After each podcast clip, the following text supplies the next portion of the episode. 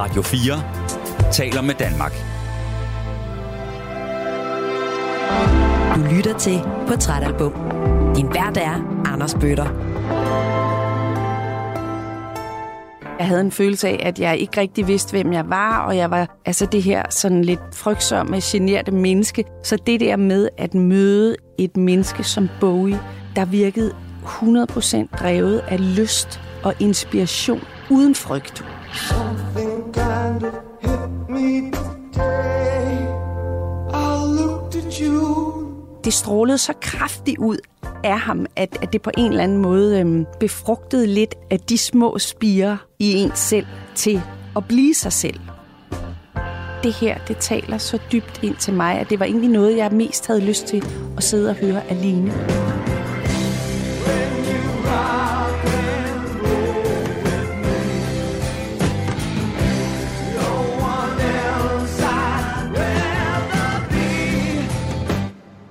Min far, som ikke rigtig har været der, og ikke rigtig har været der til at tage mig i hånden og, og vise mig ud i verden, og vise mig, at verden er et sted, man godt kan indtage. Det gik op for mig, at den rolle, tror jeg i virkeligheden, at David Bowie har taget i stedet, og været det der billede af, sådan her kan du gå ud i verden og leve dit liv. Det er ikke farligt.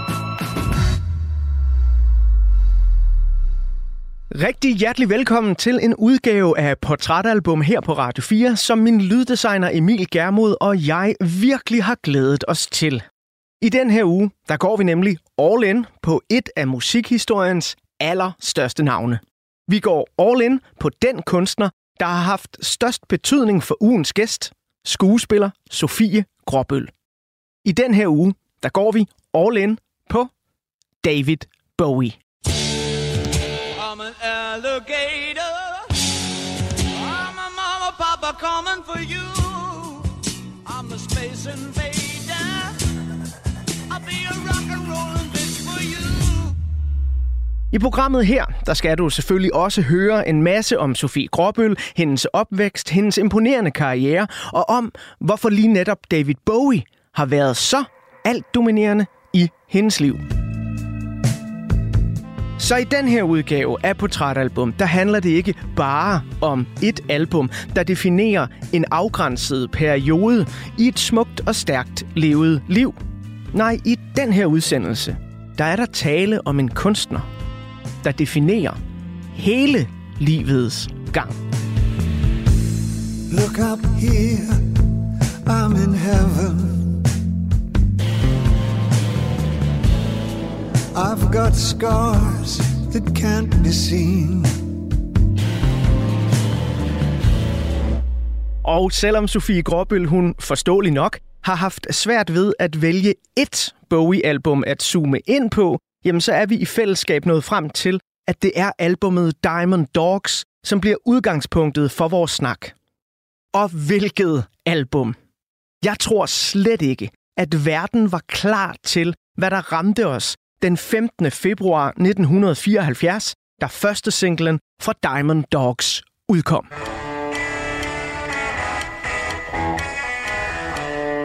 Sofie Gråbøl, hun opdager selv Bowie i begyndelsen af 1980'erne. Og her der er mødet med værker såsom Honky Dory, Ziggy Stardust-albummet Station to Station og ja, naturligvis Diamond Dogs. Oplevelser, der ifølge Sofie selv svarer til at gå igennem skabsdøren til Narnia.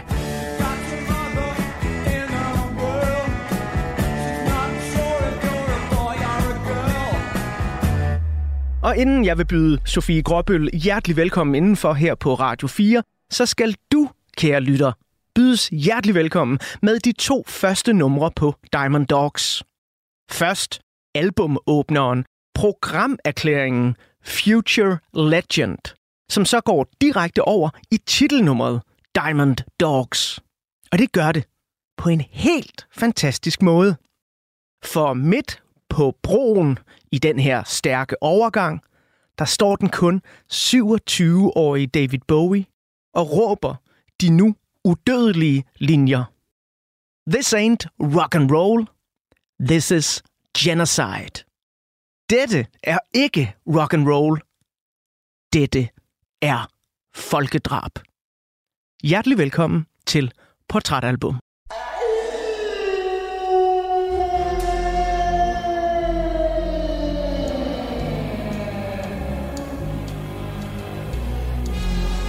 And in the death, as the last few corpses lay rotting on the slimy thoroughfare, the shutters lifted an inch in temperance building high on Poacher's Hill, and red mutant eyes gazed down on Hunger City.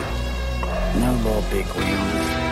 Fleas the size of rats sucked on rats the size of cats, and 10,000 peopleoids split into small tribes, coveting the highest of the sterile skyscrapers like packs of dogs assaulting the glass fronts of Lovely Avenue, ripping and re-wrapping mink and shiny silver frocks, now leg warmers, family badge of sapphire and cracked emerald.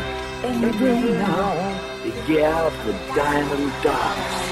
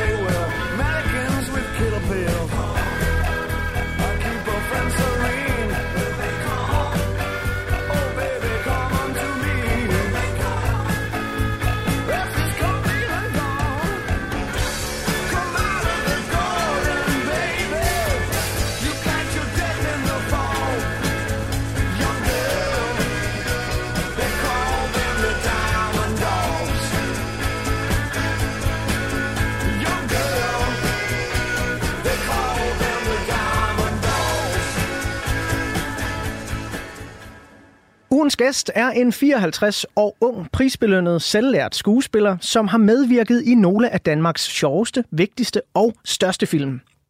Blandt andet Barndommens Gade, De Skrigende Halse, Nattevagten, Blinkende Lygter, Der kommer en dag, Lars von Triers The House That Jack Built og senest Nils Arden Opleves nyeste film, mesterværket Rose, som i øvrigt gav ugens gæst en bodil for årets bedste kvindelige hovedrolle. På tv har hun givet den svære kærlighed et stærkt ansigt i serien Nikolaj og Julie, medvirket i HBO's formidable The Undoing og for nyligt sat et vigtigt fokus på vores pressede sundhedssystemer her i Danmark i hospitalserien Dag og Nat. Sidst, men så absolut ikke mindst, så har hun også sat vores lilleput-nation på det helt store verdenskort, da hun igennem tre sæsoner stod i front for DR's internationalt anerkendte tv-serie Forbrydelsen. Her spillede hun naturligvis vicekriminalkommissær Sara Lund. Hun er modtager af Dannebro-ordnens ridderkors og er, efter min egen mening, en af sin generations største skuespillere, og nok den eneste person i hele verden, som seriøst har fået mig til at lege med tanken om, at jeg skulle da også godt kan se brandgodt ud i en islandsk sweater. Sofie Gråbøl, hjertelig velkommen til Portrætalbum. Tak. Så fik øh, jeg lige sådan øh, krasset lidt i overfladen og øh, opsummeret lidt af, hvad du har gået rundt og lavet. Ja, det var, det var en meget generøs præsentation. var det Tusind sådan, tak. Det var, var det flot. no- nogenlunde dækkende? Øh, det var i hvert fald smirende. det er godt. Sofie, du har jo øh, først og fremmest virkelig været i tvivl om, hvilken kunstner og hvilket album du skulle vælge, når vi skulle tegne et øh, portræt af dig. Ja. Og vi vender tilbage til selve albummet. Mm-hmm. Men som du sidder her i Radio 4 studio lige nu, er du glad for, at vi endte på David Bowie? Ja. Okay, det er godt. Fordi det, det er jo meget signifikant for, øh, for den her udsendelsesrække. Um, vi vender som sagt tilbage til, hvorfor det lige blev Diamond Dogs Ja, øh, lige om ja. lidt. Og øh, i del 2 af den her udsendelse, der glæder jeg mig lidt til at høre om, sådan, hvor du er i livet lige nu. Måske mm-hmm. lidt om, hvor du er på vej hen. Øh, men i den første del her, der skal jeg lige om lidt bladre op på den første side på portrætalbummet, hvor der er et billede af dig, Sofie, fra begyndelsen af 80'erne. Årene, hvor du bliver teenager. Mm-hmm. Ikke helt barn, ikke helt voksen. Mm-hmm. Hvem du er som teenager, og hvad det er, der rammer dig, da du hører Bowie for første gang, det øh, finder vi så småt ud af i de næste 2 gange 55 minutter. Først så skal vi lige høre øh, lidt mere musik. Her der kommer lidt mere af titelnummeret Diamond Dogs. Woo!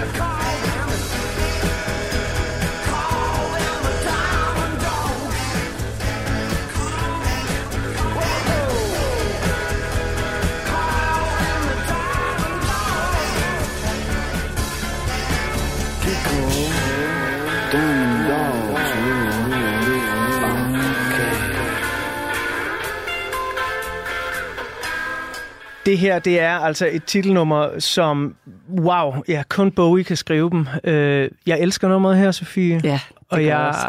er bare sådan, der, og der er så mange, der er sådan one-liners i den, ikke? Altså, Jo. the year of the scavenger, the season of the bitch. Ja. Jeg ved ikke, hvad det betyder, men det er fedt. Øh, ved du hvad, jeg må også sige, jeg er i virkeligheden meget et, et sangtekstmenneske. Mm. I virkeligheden så vil jeg næsten ved at sige, at det er det vigtigste, og ikke helt alligevel. Men øh, der er meget få kunstnere, jeg lytter til, hvor teksten er ligegyldig. Ja. Lige præcis med Bowie, der er jeg faktisk ikke helt klar over, hvad det hele betyder. Og ikke dermed sagt, jeg synes, Bowies tekster er fantastiske, men jeg ved heller ikke, hvad det betyder, Nej. det, det du lige sagde. Jeg får en hel masse billeder, Ja. Øh, og sådan havde jeg det i hvert fald i høj grad også, da jeg var ung. Og jeg sidder også og tænker på, der kunne man jo ikke gå på søge på Google, mm. lyrics, Diamond Dogs. Jeg var nødt til at danne mine egne billeder, og alle de ord, jeg ikke forstod, dem lod jeg være uforståelige. Men det er jo også noget af det, der er det bedste ved stor kunst, at man behøver ikke forstå det. Man skal mærke det. Ja, ja. Og, og samtidig vil jeg også sige, at der er jo meget, man forstod mm. fra teksterne på Diamond Dogs, og, og det var jo næsten som altså scener, der udspillede sig. Øh, Det var næsten som at se en film for sit indre. Sofie, øh, jeg har bladret op på den første side af portrætalbummet, mm. hvor øh, der er et billede af dig fra den tid, hvor øh, du møder David Bowies musik, og du åbner skabet ind til Narnia. Ja. Vi vender tilbage til lige om lidt, hvad det sådan var, der ramte dig. Men først så kunne jeg godt tænke mig at vide lidt om, hvem du var. Så hvis vi ser det her billede for os af mm. Sofie i begyndelsen af 80'erne, Mm. hvem var Sofie Gårdbøl der? Jamen, altså, jeg er født i 68, og jeg i det hele taget sådan noget med årstal og hvad der skete præcis, hvornår, det, det er jeg virkelig dårlig til. Og jeg kan ikke engang fortælle dig øh, præcis, hvor gammel jeg var, da jeg gik ned på Frederiksberg Musikbibliotek og begyndte at, altså opdagede jeg, at jeg kunne låne plader.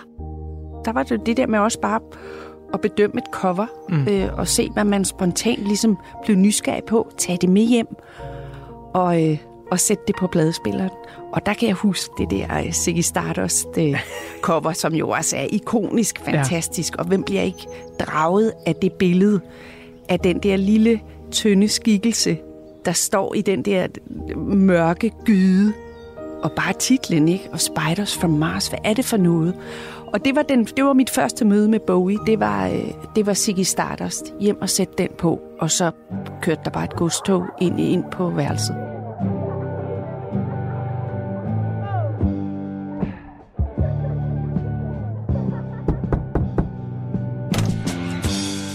He played guitar, jamming good with Weird and Gilly and the spiders from Mars. Jeg voksede op uden min far. De, de blev skilt, mens jeg var inde i maven. Øh, forlod min mor og min far. Og så er jeg vokset op i et, et sådan villekvarter ude på Frederiksberg. Egentlig ret pænt, men også ret hyggeligt. Med min mor og min storebror, og så øh, min stefar, som lidt sådan kom og gik. Så tog Okay. han over og byggede en tvindmølle, og så tog han på Færøerne og arbejdede. Og, Okay, farverig karakter. ja, ja, helt bestemt. Øh, ham har jeg stadig et, et meget nært forhold til. Og så blev min mor og min stefar øh, skilt, da jeg var et eller andet 10-11 år. Og min mor fik en depression. Altså, det var ikke derfor, hun fik en depression, men der var bare lige nogle år, hvor øh, det hele på en eller anden måde for mig som 10-årig virkede fuldstændig øh, øh, uforståeligt og, og skræmmende. Og, ja, så, så jeg var et meget, altså jeg sad meget inde på mit værelse i virkeligheden. Ja. Og så besluttede min mor på et tidspunkt, at vi skulle flytte i kollektiv. Og så flyttede vi hen i et kollektiv, og jeg var redselslagen for at flytte derhen. Øh, fordi jeg var, jeg var blevet, øh, jeg havde en meget dårlig skolestart i første klasse, og blev drillet, og jeg fik en masse angst, og havde det altså svært. Så det der med at passe ind, øh, betød, det betyder meget for, for mange børn, men det betød ekstremt meget for mig ikke at stikke ud. Og i forvejen var mit, min mors, altså mit barndomshjem var ret sådan venstreorienteret og lidt øh, flippet og, og øh, meget politisk øh, orienteret. Øh, meget noget med den kinesiske revolution og øh, altså et, et sådan ret defineret venstreorienteret verdensbillede, som var i evig øh, for mig konflikt med både det villakvarter, jeg boede i, hvordan de andre familier var, de andre i skolen. Øh, altså, der, jeg, jeg var hele tiden forkert, synes jeg. Jeg havde det forkert, forkerte noget kinesisk hjemmesyet tøj på, og altså, jeg ønskede bare at forsvinde i mængden. Ja. Så da vi skulle flytte i kollektiv, der, der var jeg simpelthen så redselslagen, fordi det var jo sådan nogle flipper, og øh, nu, nu altså, skulle man være en, der boede i et kollektiv. Det var absolut ikke... Øh, altså, det, det, det var ikke populært i de folkeskoler, øh, jeg, jeg, jeg gik på. Jeg har gået på fem skoler på 10 år, så det har også været lidt omskifteligt. Ja, okay. Øh, så jeg var lige flyttet hen i det der kollektiv, og havde faktisk lige opdaget, at Gud, verden gik ikke under. Og jeg blev ikke drillet, og egentlig var det også. Det er jo også fantastisk, når man er de der 13 år, og opdage, at det faktisk også er lidt fantastisk at skille sig lidt ud.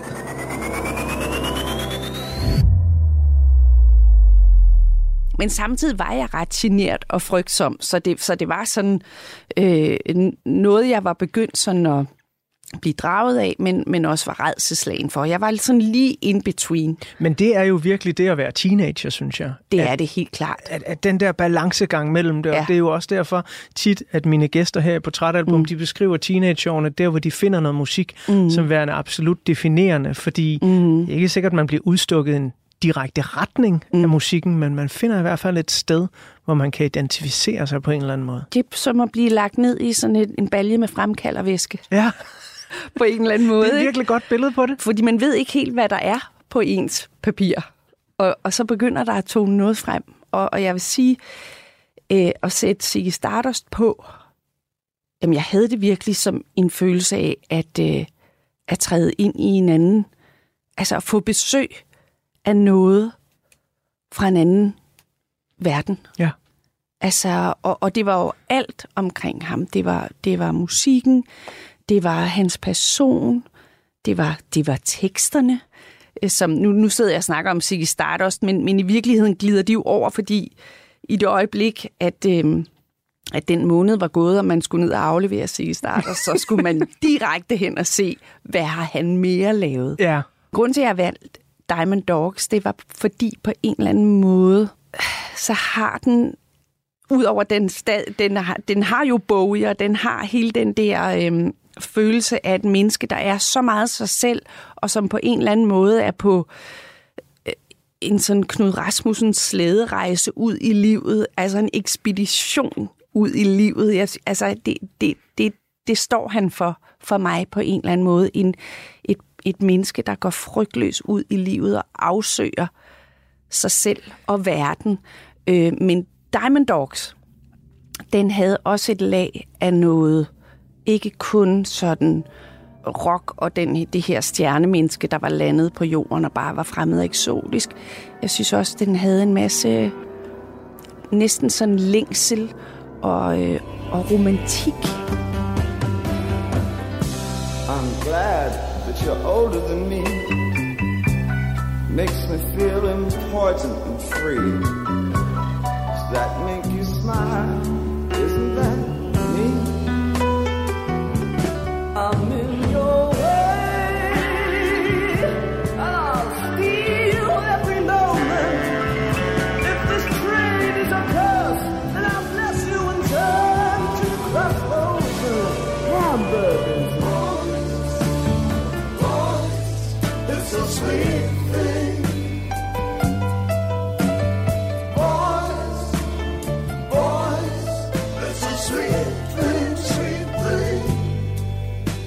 Der er nogle numre, der er så øh, smukke, og øh, i, i alt det der forfald og en længsel efter kærlighed og en, en tone, som i den grad resonerede i mig i lige præcis den alder. Jeg har brugt øh, Bowies musik igennem hele mit liv øh, Ja. til mange forskellige ting. Ja. Øh, nogle gange har jeg brugt det som total eskapisme, at Ja. gå ind i Ziggy Stardust-universet og sige, jamen, der er en eller anden derude, der vil redde os Ja. fra jordens undergang med rock and roll. Ja. Og andre gange, så har jeg brugt Bowie som et spejl.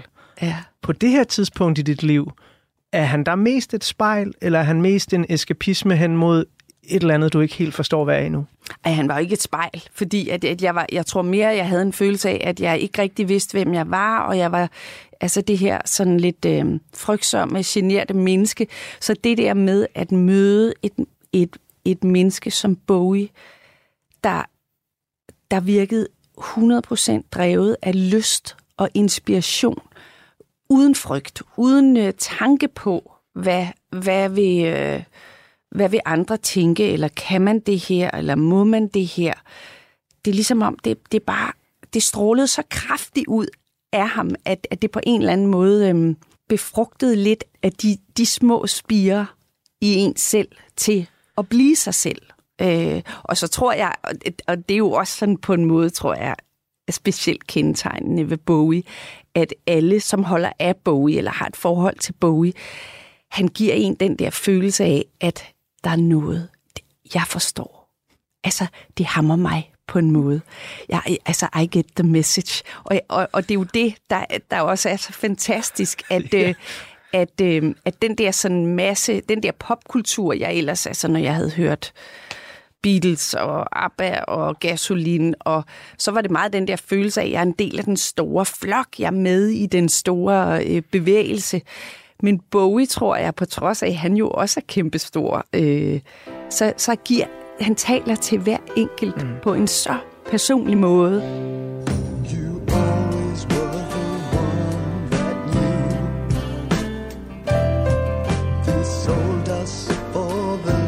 You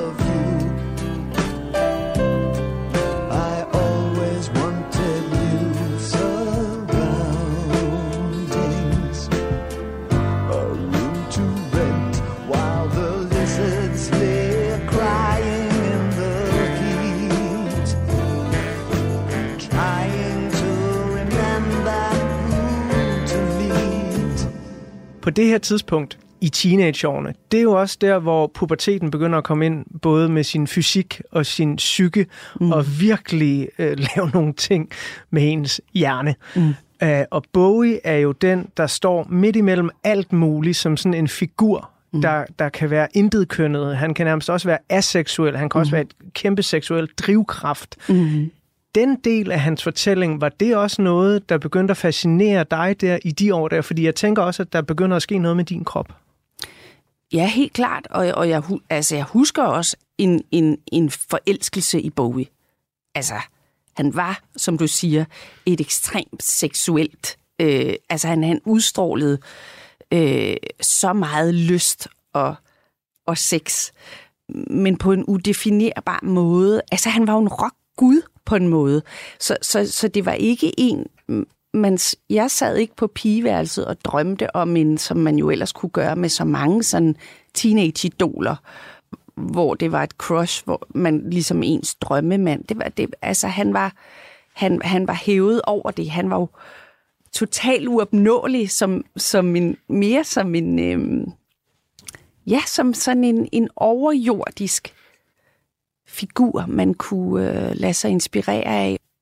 Den der følelse af, at, at det her, det taler så dybt ind til mig, at det var egentlig noget, jeg mest havde lyst til at sidde og høre alene.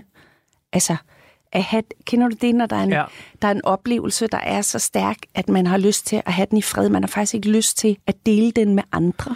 Jeg øh, hører ikke Bowie-albums med nogen andre end mig selv. Jeg kan godt, jeg kan godt høre Bowie-hits. Altså, jeg kan godt Ja. sætte en single-opsamling på, eller Ja. øh, hvis jeg DJ'er et eller andet sted, eller hvis jeg har lavet en playlist øh, til mine Ja. venner, så kan jeg godt fyre et eller andet på. Så kommer Ja. Moon Age Daydream på, eller Ja.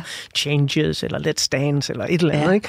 ja. Øh, men at høre et album, og, og sætte mig ned med Station to Station, eller en af de andre store, det er mig.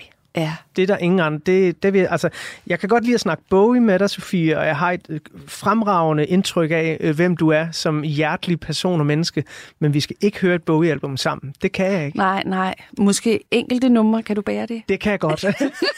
Jeg kan faktisk også huske, der kom en film, der gik ind i Dagmar inde ved Rådhuspladsen.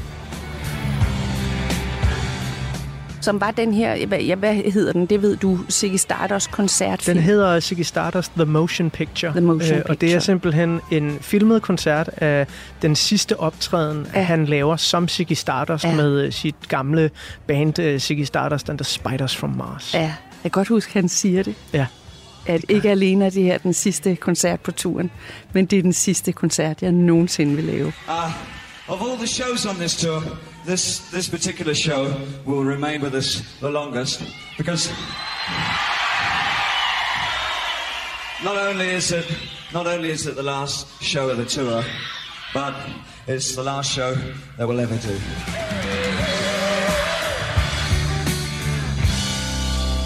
Now Ziggy play guitar.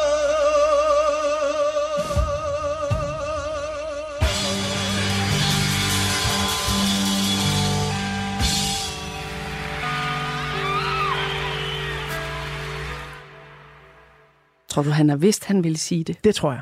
Ja, ja, jeg tror, altså, det er manden, der planlagde sin egen død for Ja, den. ja, Det kan okay. vi vende tilbage til, til senere. Han startede med at planlægge Siggis død. Jamen lige præcis. Men jeg gør kan huske, den der film var jeg inde og se. Ja, Og jeg kan ikke huske, hvem jeg så den med første gang. Men jeg gik ind flere gange, og det er første gang i mit liv, jeg gik alene i biografen. Bare det synes jeg var sådan lidt, lidt skræmmende. Øh, og der har jeg været et eller andet fem. Jeg ved ikke, ved du, hvornår den gik i Dagmar? 15? den har måske? gået øh, i 83, så ja, du har været en, en, en små En- ja. 15 år. 15. Men det der med at, at tage derind og sætte sig alene i mørket, og slet ikke have lyst til at dele den her oplevelse med andre. Ja, det er, må virkelig have, have været helt øh, formidabelt. Men du fortalte mig også, øh, da vi snakkede i telefon sammen, at øh, en af de gange, hvor du så havde nogle andre med end at se den, øh, fordi ja, som du sagde, du så den flere gange, så havde du også en fornemmelse af, at du kom ud, at de andre måtte ikke sige noget til dig. De måtte ikke tale til dig, fordi du ville ikke, som du sagde, ned på jorden igen. Ja, men jeg, jeg tror, det det var der. derfor, jeg gik ind og så den alene.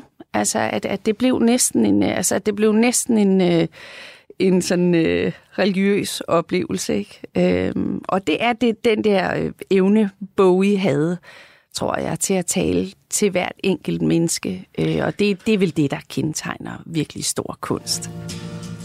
Jeg synes, at det ville være et passende tidspunkt i Mm. programmet nu, Sofie, at bladre op på den næste side af portrætalbummet, hvor der er et billede af David Bowie, sådan at øh, alle de øh, søde Radio 4-lyttere, der lytter med på vores Mm. snak her, også har en mulighed for at følge lidt med i, øh, hvad alverden det er, vi snakker om. Og jeg plejer jo at lave de her portrætter af kunstnere, og jeg plejer også altid at sige, hvilket jeg også vil gøre i den her omgang, at det jo er en overflyvning med udvalgte overskrifter. Det er klart, når jeg her i portrætalbum taler om Bruce Springsteen, eller Stevie Wonder, eller The Beatles, som vi har snakket om mange gange, så er det svært at, at lave et fuldstændig fyldesgørende portræt. Mm. Jeg har aldrig fået så stor en udfordring, Nej. som dem, der kommer i de næste Nej, par minutter. Det har du ikke. Så derfor har jeg ligesom valgt at sige, okay, vi fokuserer på, hvordan kommer han i gang med det hele, mm. og så kører vi op til Diamond Dogs. Hvad er det, der sker sådan deromkring? Så vi netop også kan komme til at snakke om, hvad var det lige ved det her album, der bare kunne et eller andet særligt. Mm.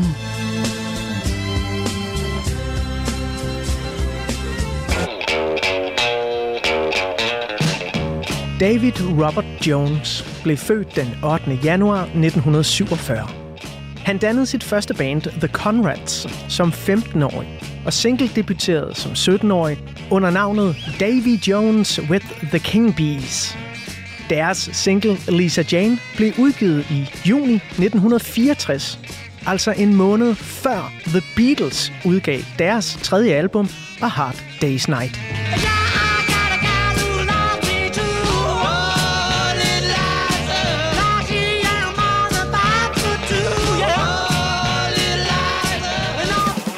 Men Bowie havde større ambitioner end at lave rock and roll covers af tusse gamle standards, som Lisa Jane var.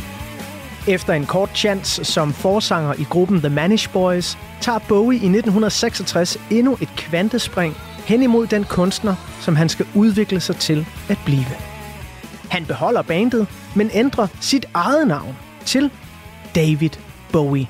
Og så indspiller han den for bowie connoisseurs vigtige single Can't Help Thinking About Me. Og den udkommer altså i 1966, samme år som The Beach Boys udgiver Pet Sounds. Question time dances on broad dishonor. My head's bound in shame. Seems that black on the family name. My mother says that she can't stand the neighbors talking.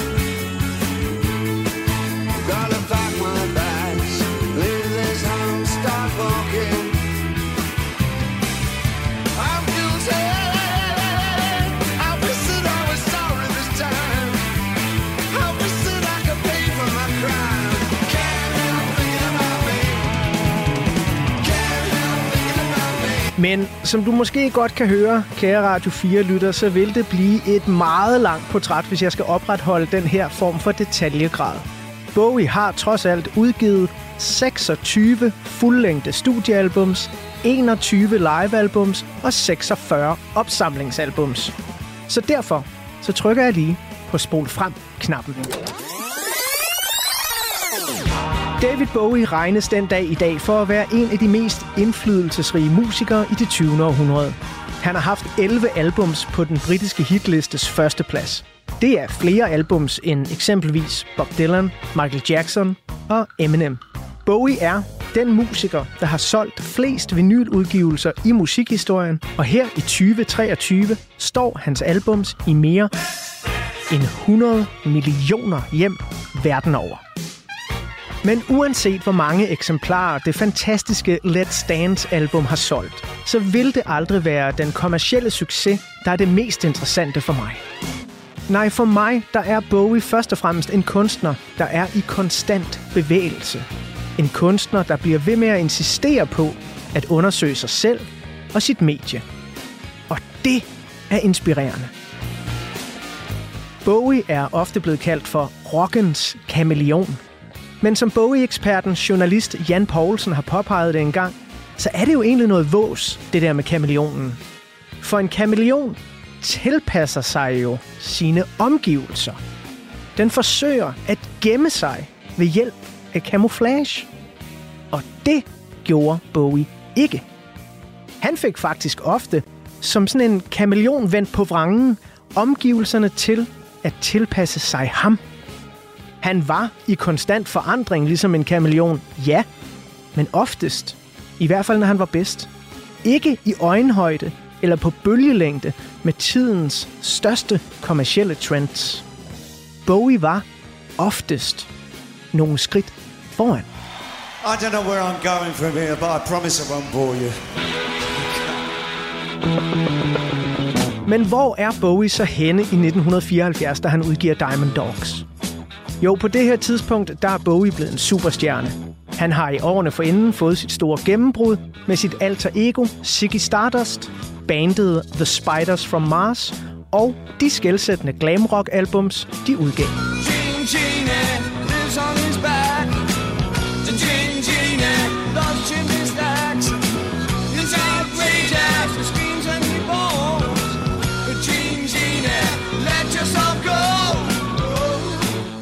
Privat er David Bowie i 74 gift med Angie Bowie.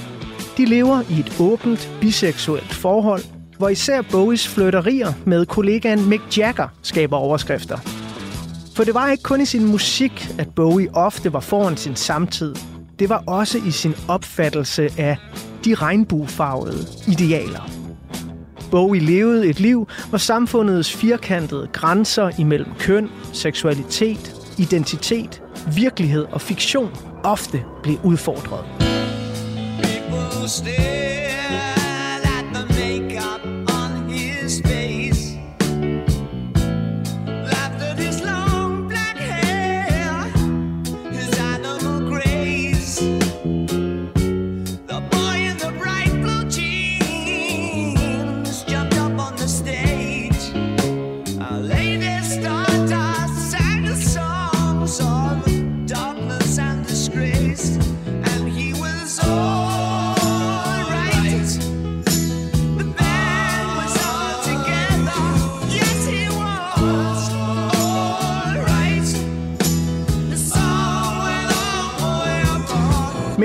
1974 står Bowie ved en række skilleveje.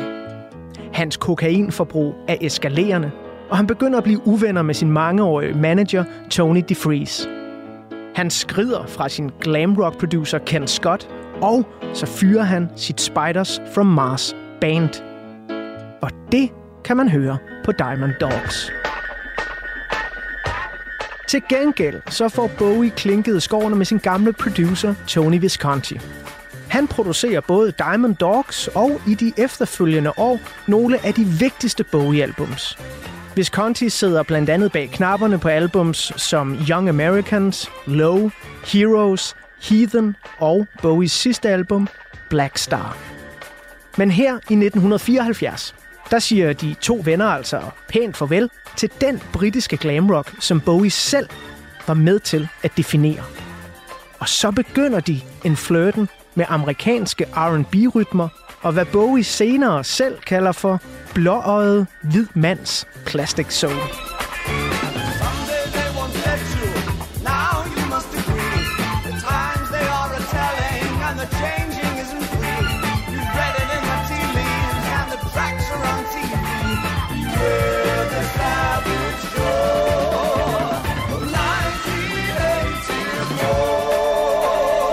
Og den her hvide soul, den bliver vigtig på Bowies kommende albums.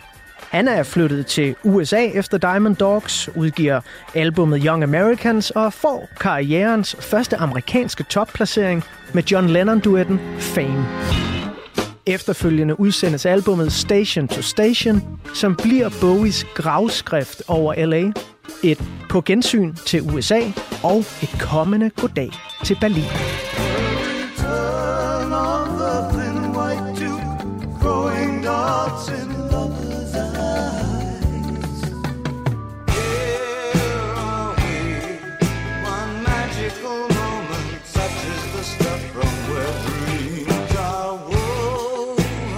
Men altså, et par år før USA og Berlin-eventyrene, her i 1974 på Diamond Dogs, der får Bowie først og fremmest sat et effektivt punktum for sine britiske glamrock personer.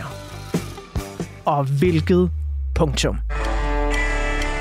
Med første singlen Rebel Rebel, der både kigger bagud, fordi det kunne minde om en hyldest til Rolling Stones, og ser fremad, fordi den i sin simplicitet foregriber den punkbølge, der frådende venter lige rundt om hjørnet, jamen der får Bowie simpelthen opsummeret, hvad hans glamrock-æra har handlet om.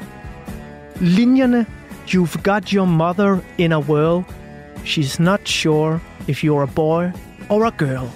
Ja, de indkapsler altså alt det, som jeg i hvert fald synes, at glamrock bør handle om.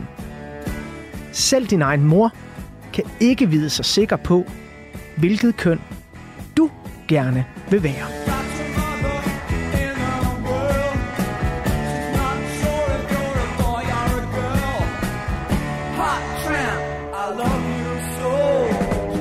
Men udover Rebel Rebel-sangen og brugen af Ziggy Stardust personaen, så er der ikke meget glamrock over store dele af Diamond Dogs.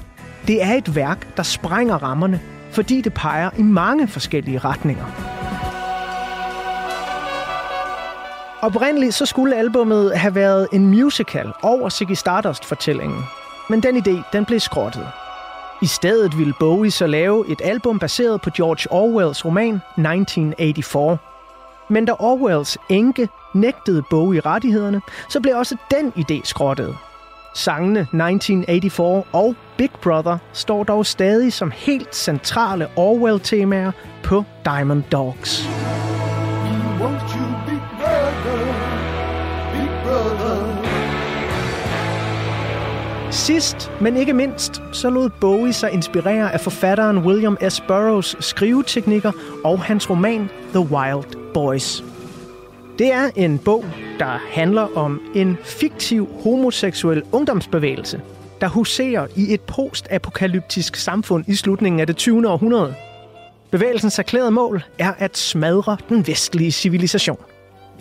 Så det er altså med alle de her farverige og meget forskelligartede inspirationer og idéer, som kommer til at danne ramme om Diamond Dogs albummet. Og så også, ja, naturligvis fristes jeg desværre til at sige, Bowies eskalerende kokainmisbrug.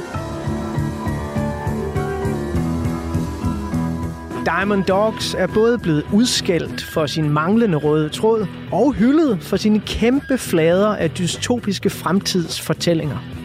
Nogle mener, at det er iblandt Bowies bedste værker. Andre mener, at albummet strider i for mange retninger, har for meget teater og for lidt reelle sange.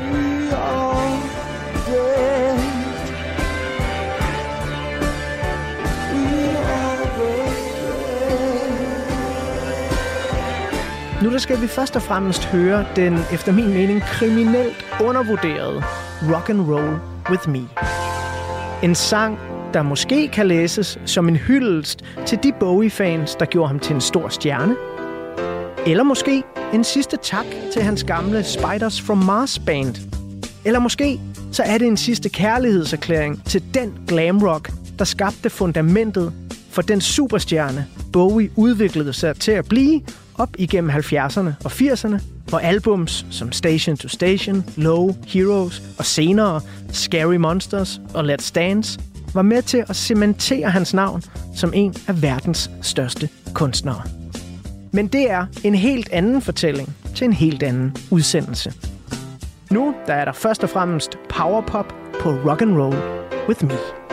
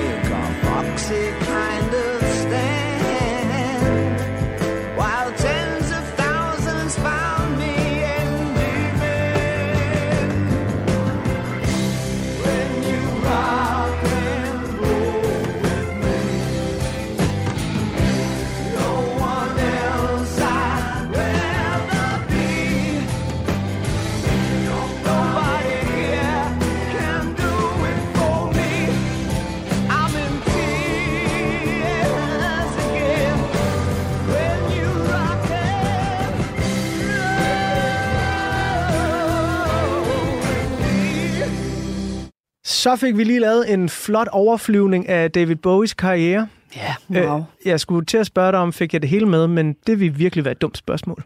Ja, det kan man ikke. Det kan men man du ikke. fik meget med. Jeg fik meget med. Og du fik også, altså, øh, altså jeg har virkelig haft svært ved at vælge et album.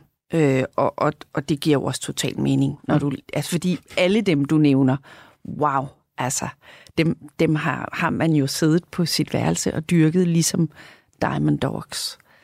De er alle sammen værdige. ja, de er alle sammen værdige. Ja.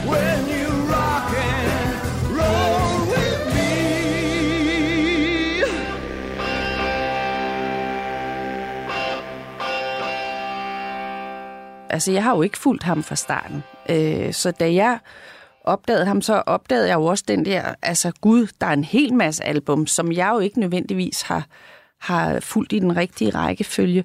Men jeg synes også, at Bowies kunstneriske DNA, som han, han også selv omtalte jo, han sagde jo meget tidligt, I'm a collector. Altså, jeg lader mig inspirere af alt muligt forskelligt, fra alle mulige kulturer, og så, øh, og så samler jeg, eller sampler, øh, og sætter det sammen på nye måder.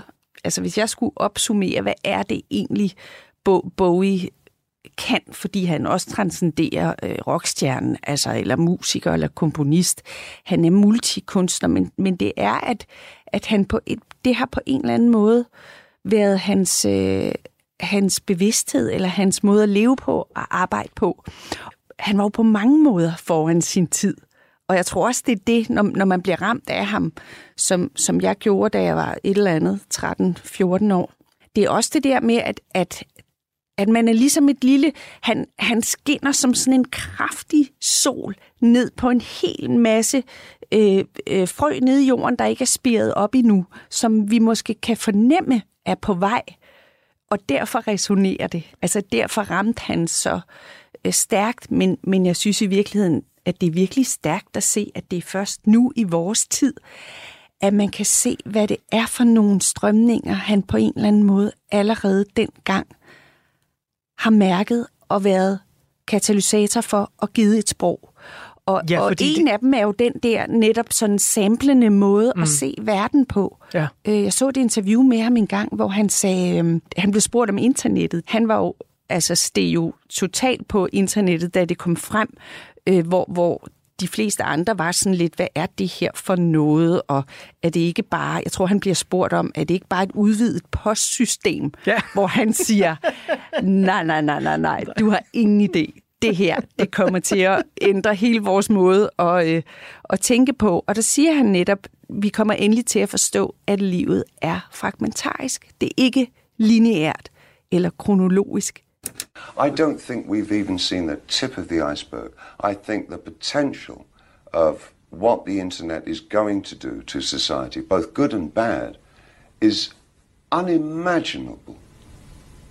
I think we're actually on the cusp of something exhilarating and terrifying. It's just a tool, though, isn't it? No, it's not. No.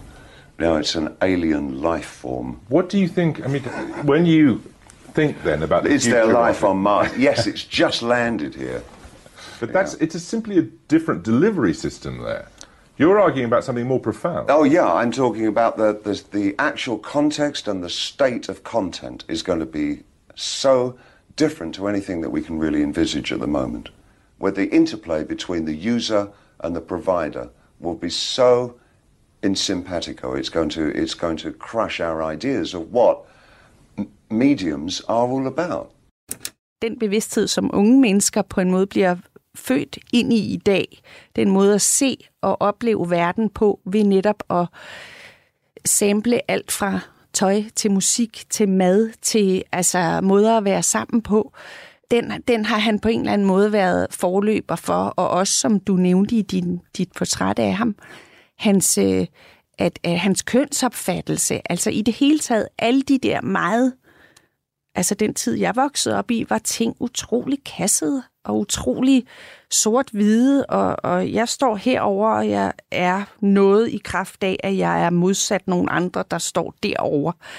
Øhm, og det, at der kom et menneske, for eksempel i forhold til køn, på en total upolitisk måde, øh, jeg tror også, det var det, der var så mindblowing for mig, for jeg voksede op i et meget politisk hjem, i en meget politisk tid, hvor alt ligesom var, blev meget hurtigt. Alle strømninger blev paroler, og blev holdninger, og blev sandheder.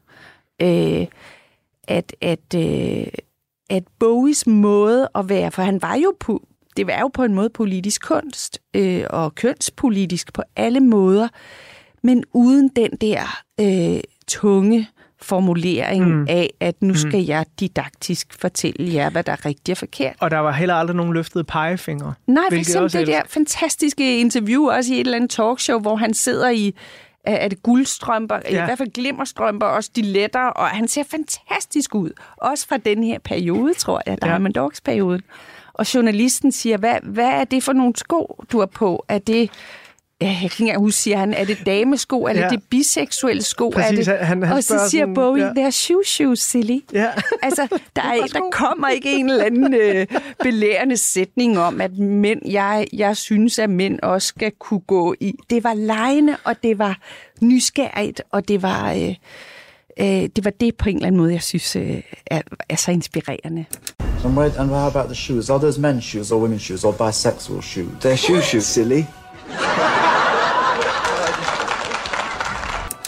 Vi skal til at øh, klappe portrætalbummet sammen for den her første del af udsendelsen. Og Mm. når jeg så øh, åbner albummet igen, så Mm. vil der være nogle øh, flere billeder øh, af dig fra din karriere blandt andet. Og også et billede her fra 2023, hvor vi skal snakke lidt om, hvor du står nu. Ja. Øh, og om Bowie stadig resonerer i dit liv. Øh, det er et retorisk spørgsmål, for det kan jeg se på dig igennem den tid, vi allerede har snakket. Du lyser fuldstændig op, hver gang, at øh, snakken falder på Bowie, og det er jo derfor, jeg er glad for at lave det her program. Og programmet her handler også nogle gange om at øh, hakke en hæl og en tog og sådan noget. Ikke? Mm. Så jeg, jeg prøver at få masseret samtlige numre fra Diamond Dogs ind, men det kan godt være, der, der er noget, vi, vi skærer. Hvis du nu sådan, altså det skal bare være på ryggraden. Mm. Sådan, det sidste nummer her i del 1, skal det være Big Brother, eller skal det være 1984?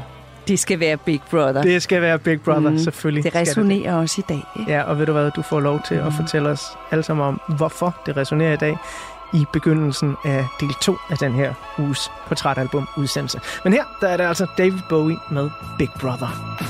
Don't talk of dust and roses. Or should we powder our noses? Don't live for last year's capers. Oh, give me steel, give me steel. Give me pulses unreal. We'll build a glass asylum. With just a hint of mayhem.